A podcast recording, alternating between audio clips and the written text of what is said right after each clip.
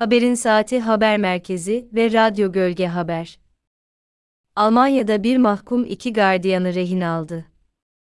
Almanya'nın Magdeburg kenti yakınlarında bulunan Berg hapishanesinde, ömür boyu hapis cezasına çarptırılan aşırı sağcı bir mahkum tarafından rehin alınan iki gardiyan kurtarıldı. Almanya'nın doğusundaki Magdeburg kenti yakınlarındaki Berg hapishanesinde dün gece hareketli dakikalar yaşandı. Almanya'nın Halle kentinde 2019'da bir sinagogu öldürdüğü gerekçesiyle, 2020'de ömür boyu hapis cezasına çarptırılan aşırı sağcı mahkum iki gardiyanı rehin aldı. Alman medyasında yer alan habere göre, 30 yaşındaki mahkum Stefan Balliet tarafından rehin alınan iki gardiyan hapishanedeki diğer gardiyanlar tarafından yaklaşık bir saat süren çalışmalar kapsamında kurtarıldı. Olayda mahkum Balliet yaralanırken, gardiyanların ise sağlıklı olduğu aktarıldı.